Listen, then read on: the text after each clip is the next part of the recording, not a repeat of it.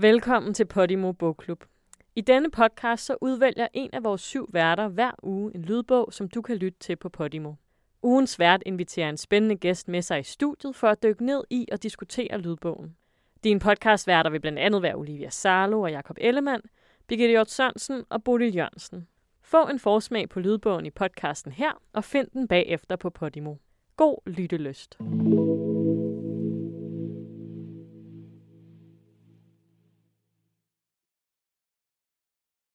Jeg er jo så nysgerrig på, hvordan han har reageret efter den her bog er kommet ud, fordi hun får bare smidt ham under bussen. Hun får kørt bussen over ham et par gange frem og tilbage, ja. og lige når man tror, at den del af bogen er over, så hiver hun ham lige med ind på sidelinjen igen ja, og giver ja. ham skylden for noget andet. Velkommen til første episode af Podimo Bogklub. Ugens vært er Olivia Salo. Med sig i studiet har hun Lia Pacelli. Og sammen dykker de ned i historien bag et af vores tids største pop-ikoner. Rigtig god fornøjelse.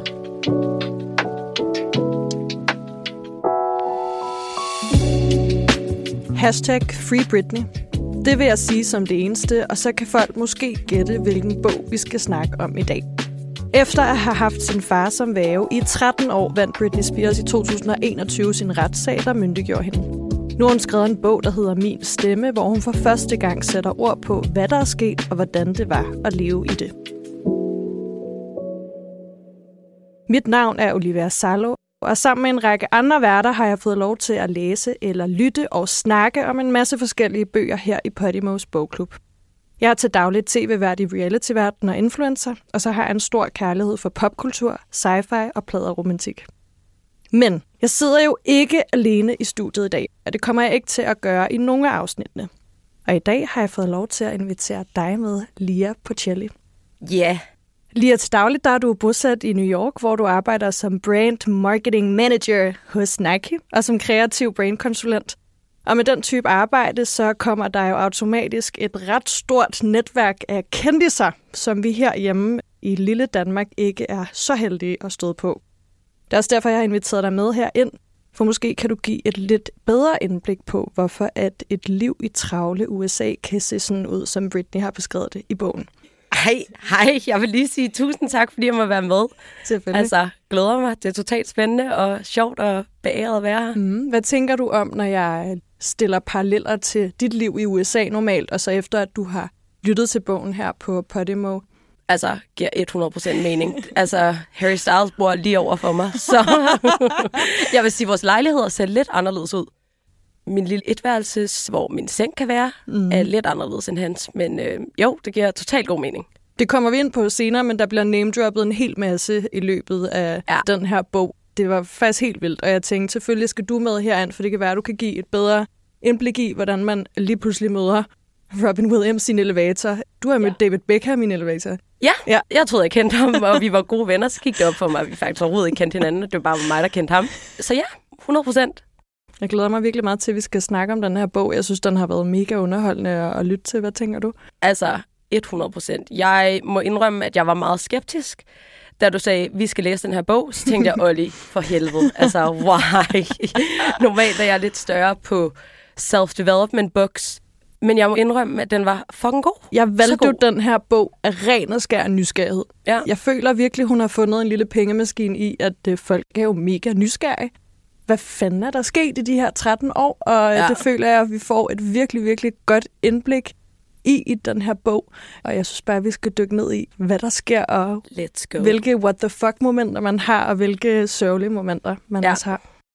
Lige inden vi starter med at snakke om det her, altså hvis du nu skulle samle hele den her bog op og beskrive den i én sætning, hvordan vil du så beskrive den? Åh, oh, det synes jeg faktisk er svært. Jeg vil sige underholdende, fordi det er den, men så på en eller anden måde, så var jeg også bare sådan, altså fuck, hvor har jeg meget kærlighed for hende nu. Altså virkelig, hun er jo bare på en eller anden måde en lille uskyldig pige, og det var bare som om, man kunne se hende på en helt anden måde, og det, altså, det er selvfølgelig også den måde, den er skrevet på, men det, at man kan virkelig mærke, at det er hende, der snakker. Mm. Så jeg vil sige en god kombination af de to, ja. og bare have en masse medfølelse. Og så, som du også selv sagde, altså der bliver virkelig name droppet Ja. meget. Altså, sådan hver anden side Mhm. agtigt Man bliver i hvert fald underholdt fra start til slut, om det er på en positiv eller en, en hjerteskærende måde. Ja. Bogen er skrevet af Britney Spears selv, og øh, hvad hedder det, udkom her i 2023. Du kan lytte til min egen stemme på Podimo, hvor den er oplæst af Sara Klein. Normalt i sådan en bogklub, uden at jeg nogensinde har været ordentlig del af en bogklub, men jeg forestiller mig jo lidt en bogklub øh, af en gruppe middelalderne kvinder, der ligesom sidder og snakker om en bog. Og jeg tror, i en bogklub vil man normalt snakke om, hvordan øhm, bogen er bygget op. Start, midte, slut. Ja, som lille pige vandrede jeg i timevis rundt i de tavse skove bag mit hus i det nordlige Louisiana og sang sange. At være udendørs gav mig en følelse af at være i live, af spænding. Da jeg voksede op, skændtes min mor og far konstant. Han var alkoholiker. Når jeg var hjemme, var jeg som regel bange. Det var heller ikke himmelsk udenfor, men det var min verden. Kald det himmel eller helvede, men det var mit. I starten der beskriver hun jo, hvor hun er opvokset. Hun beskriver jo sine omgivelser, hun beskriver sin familie, hun beskriver også sine følelser i hele det her meget, meget dysfunktionelle familieliv, som hun er opvokset i med hendes mor og hendes far. ja. Og hendes storebror på det her tidspunkt, der er hendes lille søster ikke født endnu. Og jeg kan huske, da jeg er kommet forbi de første, jeg tror, vi er på kapitel 16, men kapitlerne er jo også enormt korte. Ja. altså, de hopper meget, meget hurtigt. Hvor jeg lige pludselig tænker, altså, hvordan afslutter vi den her bog? Fordi handler bogen ikke om hele den her umyndiggørelse, som hun har været igennem? Mm. Synes du, opbygningen til at starte med er langsom, eller synes du, det var rart at få den her introduktion til, hvordan hendes øh, barndom har været? Jeg synes faktisk, det var virkelig fedt. Men den går virkelig også meget i detaljer. På en eller anden måde giver det jo også god mening. Altså, vi kender jo alle til hendes succes, men det er ikke fordi, vi kender alle detaljerne i hendes opvækst, og så på samme måde, hvad der ligesom er sket efter hendes succes. Ikke? Så jeg synes, det var virkelig fedt. Hun hopper lidt frem og tilbage, men det synes jeg egentlig bare gør den virkelig hyggelig, fordi at det netop er som om, at man bare snakker med hende. Og det er jo ikke fordi, det er, det er helt sådan store sprog, at, altså, Hvad, det skulle, kan du lige forklare, når du siger, at det ikke er det helt store sprog. For det kan godt være, at jeg ved, hvad du mener. Det men, er en meget simpel bog. Ja. Altså, hun siger præcis det, hun tænker, og så er det bare skrevet ikke med store fancy ord. Det er bare det simple ord. Som sagt, så føler man virkelig, at og det ved jeg ikke om, at efter man ligesom har set hende på sociale medier med hendes danse på det sidste. Det er i hvert fald det, Det kan vi komme til senere. ja, det beskriver det hun image, også. Ja. jeg har i hovedet i hvert fald af hende, mm. som fortæller den her Ja. fortælling om hendes liv. Og der synes jeg egentlig, det matcher meget godt, altså må jeg indrømme. Den er meget umiddelbar. Ja, Ja. lige til i hvert fald. Ja. Blev du fanget af bogen? Eller hvorfor altså, læste du videre? Jeg hader sådan- jo at sige det, men ja, lige med det samme. Ja. Hvorfor? Jeg læste tre sider, og så var jeg allerede sådan, yes, let's do this. Hvordan kan det være? Altså, var det fordi, det er Britney Spears, og man er mega nysgerrig på, hvordan hendes, øh, ja. Hendes historie ligesom opbygger sig? Eller var det fordi, at den var så nem at læse, og den var så umiddelbar? Jeg tror, det er en kombination. Jeg tror nok også lige for vores generation, altså Britney er jo nok et af de største navne. Altså det var jo hende, man opvoksede med, og hende, man så i alle medierne, og ja, det er jo bare Britney. Ja. Altså, Britney Spears. Så jeg tror, det er en god kombination af det, og netop, at hun bare pludselig blev væk, og man ligesom også gerne vil have en forklaring på det, fordi jeg synes det også, det var lidt øvret sådan, "Nå, okay, hvad, hvad skete der egentlig med hende? Jeg tror slet ikke, man har forstået egentlig, hvad der faktisk er sket. Nej, præcis. Det syge er jo også, det er jo 13 år. Og jeg har et helt dårligt år at sige det, men jeg var ikke klar over, at det var så lang tid. Nej, præcis. Altså, det er virkelig lang tid. Ja, det er virkelig sindssygt. Noget, som dog går igen i den her bog, hvad jeg bemærkede, det er hendes sådan her religiøse mindset. Fordi hun er jo opvokset i Kentwood, Louisiana. Mm-hmm. Det vil sige, hun er en sydstatspige. Ja. Forklar mig lige, hvis du skulle beskrive en sydstatspige fra Louisiana i USA nu. Ja. Hvordan vil hun være, når det kommer til religion? Religiøs. altså, faktisk en af mine gode veninder i USA, hun er fra sydstaterne, og de har noget, der altså Southern Charm. Og det er bare, at de ja, er lidt mere religiøse end de fleste andre stater i USA, og har en lidt anden form for øhm, ja, deres væremåder, som hun også selv siger rigtig mange gange, at man siger sir og ma'am, og undskylder og åbner døren, og mænd er mænd, og kvinder er kvinder, og altså, ja, det er bare lidt en anden form, og jeg tror rigtig mange, at selvom vi lever i en moderne verden, så tror jeg stadig, at altså, sydstaterne er bare sydstater. Det er en anden måde at opvokse på og leve på, og der tror jeg bare, at religion er en større del af deres hverdag. Der var i hvert fald for mig nogle punkter i bogen, hvor jeg tænker, hun er meget god til at sige, men det var Guds intention for mig. Jeg bad til Gud, hvor det var som om, det var de eneste gange, hvor jeg lyttede til den, hvor jeg tænkte, okay, nu forstår jeg hende slet ikke. Det er fordi, vi er bare ikke særlig troende i Danmark. Nej. Så prøv lige at give sådan et ordentligt billede på, synes du faktisk, hun er alt for lidt religiøs, eller giver det god mening, hvordan hun ligesom omtaler, at Gud ligesom har haft hendes skæbne? 100 procent. Det synes jeg virkelig, det gør. Jeg synes også bare det, at man ved, hvor hun er opvokset, hvordan hun er opvokset, der synes jeg klart, at det giver mening, at hun altid nævner Gud, og på en eller anden måde synes jeg også, at man kan mærke igennem hele bogen, at hun sådan romantiserer lidt mere, mm. end vi måske vil gøre. Og det tror jeg netop er på grund af altså, hendes tro, ikke? Jo. At hun ligesom stoler på processen, eller der er jo sådan en eller anden, jeg kan ikke huske præcis, hvad der hun siger, men hun siger i et andet univers, eller altså... øh, Nej, ja. in, a, in another life. Det er sådan der Ja. hensidigt. Det er, da hun snakker om sin farfar, Ja, det, ja, kan du huske ja, det? ja, ja. Hvor at hun ligesom har kunne mærke, at i et andet liv, fordi hendes farfar behandler hendes far sindssygt dårligt, så hun også lidt giver hendes farfar skylden for, at hendes far har været så modbydelig. Hun siger nemlig noget med, at det er sådan, ja, hun har kunne mærke forbindelsen fra farfaren der, som hun faktisk aldrig nogensinde har mødt ham. Hun bruger meget det her gudekompleks, som vi danskere måske ikke særlig meget kunne forstå. Men jeg reflekterede også meget over, at det kan være, hun siger Gud, men jeg bruger det universet helt vildt meget. Men det er jo også noget nyere, som vi er begyndt på, hvor jeg tror, at ja, de siger netop Gud, men jeg tror også, det er derfor, hun bliver ved med at gå tilbage til sin familie, fordi familie bare på en eller anden måde er en lidt større kerne i sydstaterne, end det for eksempel vil være i New York, hvor jeg er. Ikke? Efter vi er kommet videre fra første afsnit, hvor vi får et ret godt billede på, hvordan Britney er opvokset. Vi får også en ret fin historie omkring hele den her Mickey Mouse Club, og jeg synes, det var meget hyggeligt at høre om, sådan, hvordan det faktisk havde fundet sted. Så oplever man jo, hvordan hendes karriere ligesom virkelig tager fart, og hun begynder at indspille albummer og singler, og hun får virkelig, virkelig meget succes på meget kort tid, og hun begynder jo også at involvere sig med øh, rigtig mange kendte mennesker, og dem får hun godt nok name-droppet igennem hele bogen. Hele vejen igennem.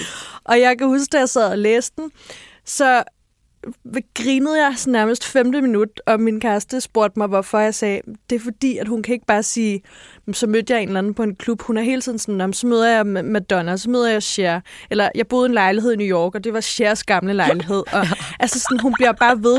Og på et eller andet tidspunkt har hun fået en dublantrolle på Broadway, hvor hun er sådan, ja, den anden dublant, det var Natalie Portman. For hun bare henkastet. Det er ikke fordi, hun, er, hun, er, hun skal fortælle en historie omkring Natalie Portman. Og så er der jo så også en ret lang sekvens, hvor hun forklarer om hendes forhold til Justin Timberlake. Justin. Jeg er nødt til at høre dig, da du læste om det. Hvorfor blev du ved med at læse bogen, da du læste om hendes forhold med Justin? Altså, jeg elsker Justin. Elsker Justin Men, for evigt. men, men også efter, at du læste? Jamen, jeg tror altid, jeg har kærlighed for den mand. Altså, desværre. Jeg vil faktisk gerne have mere. Okay. Altså, jeg vil gerne have mere information. Hvorfor? Hvorfor? Jamen, jeg tror bare, altså, det er selvfølgelig også alt fra hendes synspunkt, Mhm. mm. men jeg vil da gerne vide lidt mere fra hans synspunkt også. Så jeg tror også, det var derfor, det var fordi, at jeg netop kun fik hendes synspunkt, og jeg blev Ja. ved med at tro, at der ville komme lidt mere. Jeg er jo så nysgerrig på, hvordan han har reageret efter den her bog er kommet ud, fordi hun får bare smidt ham under bussen, og hun får, kørt, hun får kørt bussen over ham et par gange frem og tilbage, ja. og lige når man tror, at den del af bogen er over, så hiver hun ham lige med ind på sidelinjen igen, Ja, og ja. giver ham skylden for noget andet, og Ja. da hun forklarer om, at hun er blevet gravid, og hun skal abortere, hvor at han kommer ud på Nej, nej, badeværelset og nej, nej, spiller nej, nej, guitar nej, for nej. hende. Justin kom ind på badeværelset og lagde sig ned på gulvet sammen med mig. På et tidspunkt mente han, at musik ville hjælpe, så han hentede sin guitar og lå der sammen med mig, mens han klimprede på den. Jeg blev ved med at græde og hulke, indtil det var overstået. Det tog flere timer, og jeg kan ikke huske, hvordan det sluttede, men her, 20 år senere, kan jeg stadig huske smerten og frygten. Efter den oplevelse var jeg helt fra den i et stykke tid. Især fordi jeg stadig elskede Justin virkelig højt. Det var vanvittigt, så meget jeg elskede ham, og det var uheldigt jeg kunne lige forestille mig, hvor fuldstændig frygteligt det har været at sidde der helt blødende, 19 år gammel og abortere, og så sidder en dumme kæreste hos... Altså, Ja, jeg kunne lige forestille mig, ikke? Uden t-shirt eller ej, et eller andet. ej, bare ej, ej, ej. og- I stedet for bare at holde en i hånden, der fik jeg seriøst så ondt af hende. Ja. Jeg var sådan, okay, øh, elskede altså at få sladret omkring det her ikoniske denim-sæt, som de jo har haft på sammen, og Ja. jeg var inde og google så mange billeder løbende. Altså, Ja, det var jo så mig. hyggeligt. Men, men hold, altså, der begyndte jeg virkelig sådan at få den der, okay, du bliver bare ikke krammet, du bliver bare ikke holdt Ja. af. Det er netop det, jeg mener. At hun føles som sådan en lille uskyldig pige. Altså, man får virkelig sådan, ej, ondt af hende. Også fordi, at vi ved jo alle sammen, hvordan det er at have ens første kærlighed. Så prøv at tænke, at ens første kærlighed er Justin Timberlake. Og alt bare bliver dokumenteret, og at når man også slår op, bliver det også dokumenteret, og så er han sammen med diverse kvinder efterfølgende, eller mens man stadig er sammen, og det ser man også. Altså, oh my god. Det er fuldstændig sindssygt. Hun er jo rigtig god til i bogen at ligesom beskrive hendes kærlighedsforhold. Jeg synes faktisk, det er rigtig skønt, at hun lukker ind i, hvad der er sket igennem hele hendes liv, også kærlighedsmæssigt. Og jeg bemærkede, at det er som om, at hendes ægteskab med, øh, med Kevin Federline har føltes som starten af det bedste og det værste i hendes liv. Jeg ved ikke, om du kan følge mig. Det bedste er, at hun får hendes to børn, men det værste er så, at det er som om, at hele hendes liv går ned ad bakke, efter at de ligesom skal kæmpe om forældremyndigheden. Der er jo også i sidste ende sådan på en eller anden sindssyg måde gør, at hun, øh, hun bliver umyndiggjort, og hendes far bliver hendes væve. Kan du følge mig i den Ja, ja, tankegang? det er sådan lidt to, hvad siger man, contrasting sides. to altså- kontraster. Ja, kontraster frem og tilbage mellem, at det ligesom er noget rigtig positivt og noget rigtig negativt. Og jeg tror også, ligesom så mange andre, der har i hvert fald dømt hende i medierne 100% og været sådan, hun skal sgu da ikke være mor, og hvad fanden er det, og det ene og det andet, hvor at når man læser den her bog, så man også bare, altså man kan virkelig mærke, hvor meget hun bare altså, holder af sine børn, ikke? Og hvor Det er den, det bare er det vigtigste i hele hendes liv. Det er det. Altså, Ja. jeg tror vidderligt, at de her børn har været en, altså en kæmpe... Savior på en eller anden måde. Fuldstændig. Jeg tror også, at hendes børn har gjort, at hun er endt med at kæmpe videre. Ja, Jeg sad helt med følelsen af, sådan, hvad nu hvis hun ikke havde fået de her børn? Hvad, hvad der så sket med hende? ja, De maler et ret fint billede af, at hun bliver ved med at kæmpe. ja. Hun beskriver det her tidspunkt, hvor at hun bliver umyndiggjort. Hvordan var det at læse den passage for dig? Altså, det var jo lige før, jeg fik tår i øjnene. Også fordi, altså, hun... Og jeg tror, det er ret godt pointeret af dig, at du siger, at det er religiøst. Jeg tror faktisk ikke, jeg havde tænkt over, at det var religiøst. Det ved jeg ikke, fordi jeg netop har boet i USA i så mange år. Men hun er jo lidt som om hun altså, lever op i skyerne i en eller anden sådan lidt fake fantasiverden. Og at hun bare har haft så meget succes i en tidlig alder, og der er bare så mange ting, der er gået rigtig godt, men lige så mange ting, hvis ikke flere, der er gået rigtig dårligt. Og så mange mænd, som bare ikke har behandlet hende ordentligt, og hendes familie, hvor at så endelig til allersidst, så får hun frihed på den her måde, så får hun frihed på den her måde, frihed på den her måde, hvor jeg også bare sådan, ej, finally, free Britney. Ja. Jeg synes virkelig, det var smukt. Pludselig kredsede der helikopter om huset. Er de efter mig? Spurgte jeg min mor. Er det her en joke? Det var ikke en joke. Pludselig var der et SWAT-team på 20 betjente i mit hus. Hvad fuck har jeg gjort? blev jeg ved med at råbe. Jeg har ikke gjort noget. Jeg vidste, at jeg havde opført mig ustyrligt, men intet af det, jeg havde gjort, kunne retfærdiggøre, at de behandlede mig som en bankrøver. Intet kunne retfærdiggøre, at de vendte op og ned på mit liv. Men den her dag, hvor at det jo altså, er starten på de her 13 år. Kan du huske, at du læser den i bogen? For det første vidste jeg ikke engang, at man kunne gøre det. Jeg vidste seriøst ikke, at det var muligt, men giver måske også meget god mening, når vi er i USA. Ja, og det giver måske god mening, hvis det er... Altså, jeg vidste ikke, man kunne fjerne andre folks myndighed. Giver det Ja. mening? Jeg tror godt, man kan have en væve, altså hvis man for eksempel er multihandicappet, og man Ja, vidderligt ikke kan. Selvfølgelig.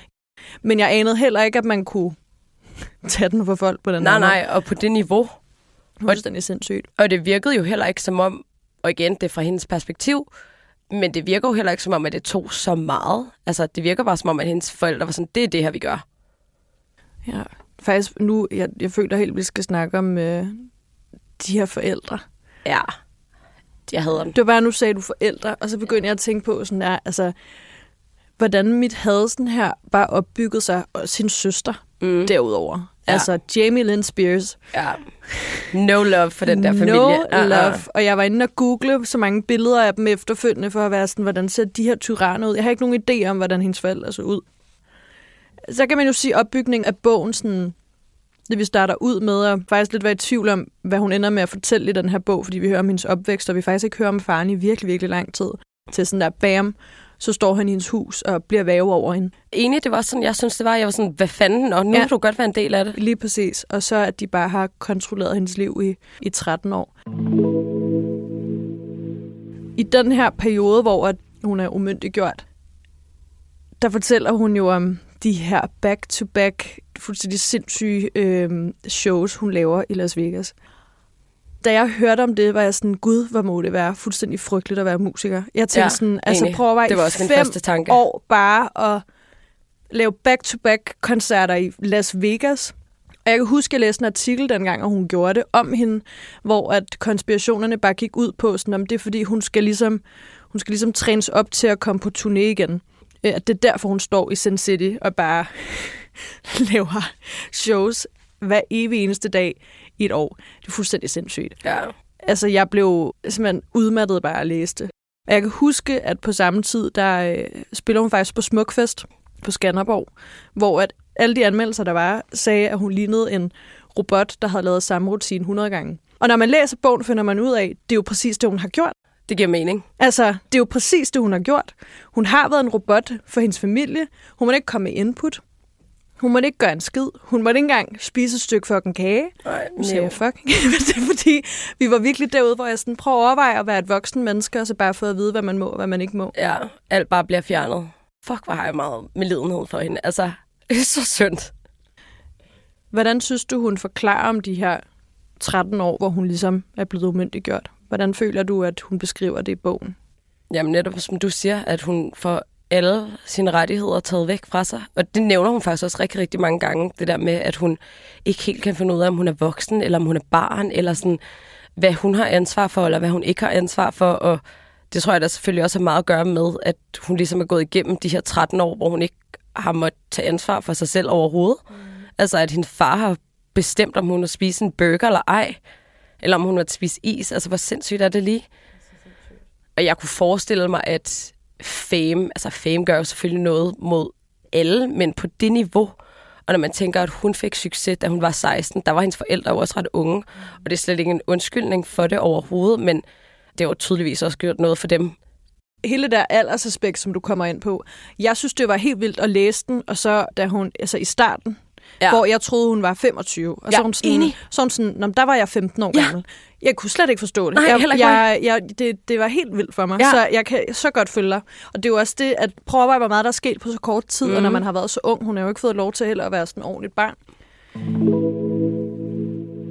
Til sidst, vi skal lige runde Free Britney movement, Ja, fordi yes, yes, der yes. blev jeg altså lidt rørt, da hun forklarer, at hun sidder på den der klinik, og at lige pludselig viser sygeplejersken der, alle er begyndt at lave den her Nå, Free ja, Britney ja, ja, ja, hashtag, ja, ja. der så starter hele den her bevægelse, der også gør, at hun ligesom måske får sit sidste skud energi til at skulle kæmpe sig ud af det her. Enig. Langt inden i opholdet, da jeg havde fået svært ved at bevare håbet, kaldte en af sygeplejerskerne, den eneste, der var helt okay, mig over til sin computer. Se her, sagde hun. Jeg kiggede på hendes skærm og prøvede at forstå det, jeg så. Det var et talkshow, hvor der sad en række kvinder og talte om mig og om vævemålet. Den ene havde en hashtag Free Britney t-shirt på. Sygeplejersken viste mig også andre klip. Fans, der sagde, at de prøvede at finde ud af, om jeg blev holdt indespærret et sted mod min vilje. Der talte om, hvor meget min musik betød for dem. Der sagde, at de ikke kunne holde ud og tænke på, at jeg led. De ville hjælpe mig. Og bare ved at gøre det, hjalp de mig. Anede du overhovedet, at vi kan jo kalde det the power of social media, Ja. havde haft så stor indflydelse på, at hun er sluppet ud af det her? Nej, ingen idé. Altså overhovedet. Der er faktisk sådan en sætning, hun siger lige der, hvor hun snakker direkte til os, hvor hun var sådan, hvis I var en af dem, der sagde Free Britney, Ja. ja. så tak. Ja.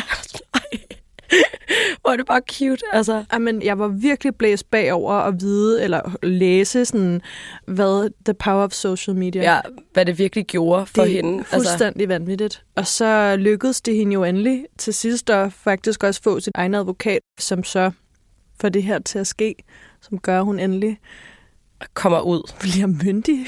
Thank God, så vi kan se hende på sociale medier nu. Og det er jo det, hun er jo så fuldstændig vanvittigt fantastisk. Og jeg ved ikke, om du... Øh, om, altså nu har jeg jo jeg har læst og lyttet til bogen begge dele. Men hun laver jo sådan en anslag til sidst. Jeg lige prøve at tage bogen. Som jeg øh, var fuldstændig vild med, fordi den beskriver nemlig rigtig, rigtig fint.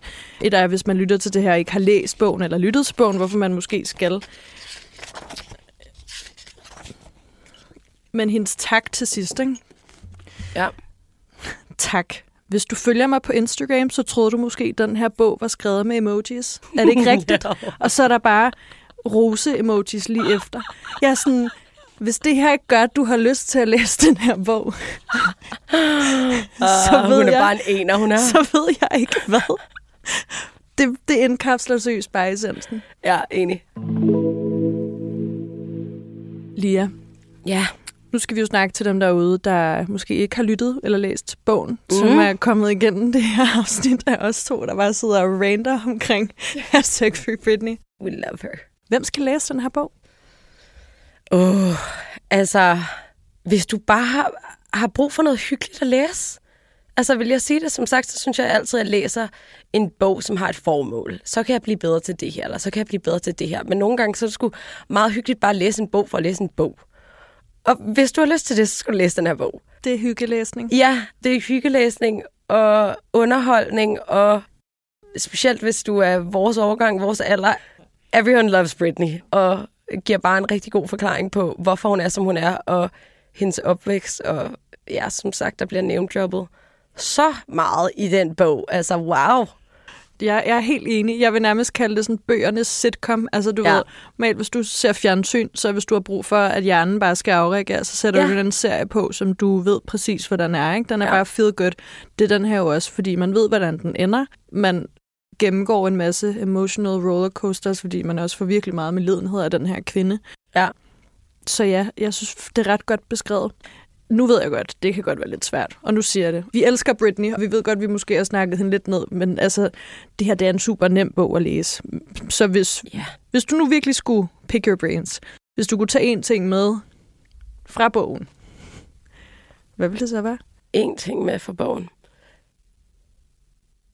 Ærligt at have medlidenhed for folk. Jeg vil godt indrømme, at jeg er så hurtig til at dømme kendiser og ja, folk i medierne. Og det er jeg virkelig, altså hopper med på alle overskrifterne og sådan, ja, det er da også nederen. Og som sagt, jeg, hvorfor har hun børn og det ene og det andet? Og nu har man pludselig fået hendes side af historien, hvor jeg sådan, altså hvor er du sej, mega cool, har haft succes i sådan en tidlig alder, og kommet igennem alt det her, og været indespærret i 13 år. Altså, hvad fanden er det for noget? Og nu er jeg bare sådan, har så meget kærlighed for Britney, kan love dig for, at jeg kommer til at like og kommentere på alle hendes dansevideoer. Fuldstændig. Okay, mand. Nu er man ikke sådan her, what's wrong, nu er man sådan, you do you. Ja, Ja. Jeg tror, hvad jeg tager med er sådan en never give up. ja. Det er jo også bare hele bogen i en nødskal. Fuldstændig. Det er det virkelig. Vi sender i hvert fald mega meget kærlighed med til Britney, og anbefaler også, at alle, der har en lille smule kærlighed for popkultur, som rigtig mange mennesker har, de skal måske tage sig tid til at læse den her pausebog, kan man godt kalde den. Mm. Lia, tusind tak, fordi du ville være med i det her afsnit. Tak, fordi du ville snakke lidt om Britney med mig. Tak fordi jeg måtte være her. Det var så hyggeligt.